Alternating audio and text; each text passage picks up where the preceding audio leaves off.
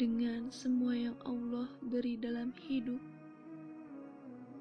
tak adakah ruang untuk bersyukur? Allah tak pernah marah pada kita. Allah tak pernah ingin kita jauh darinya.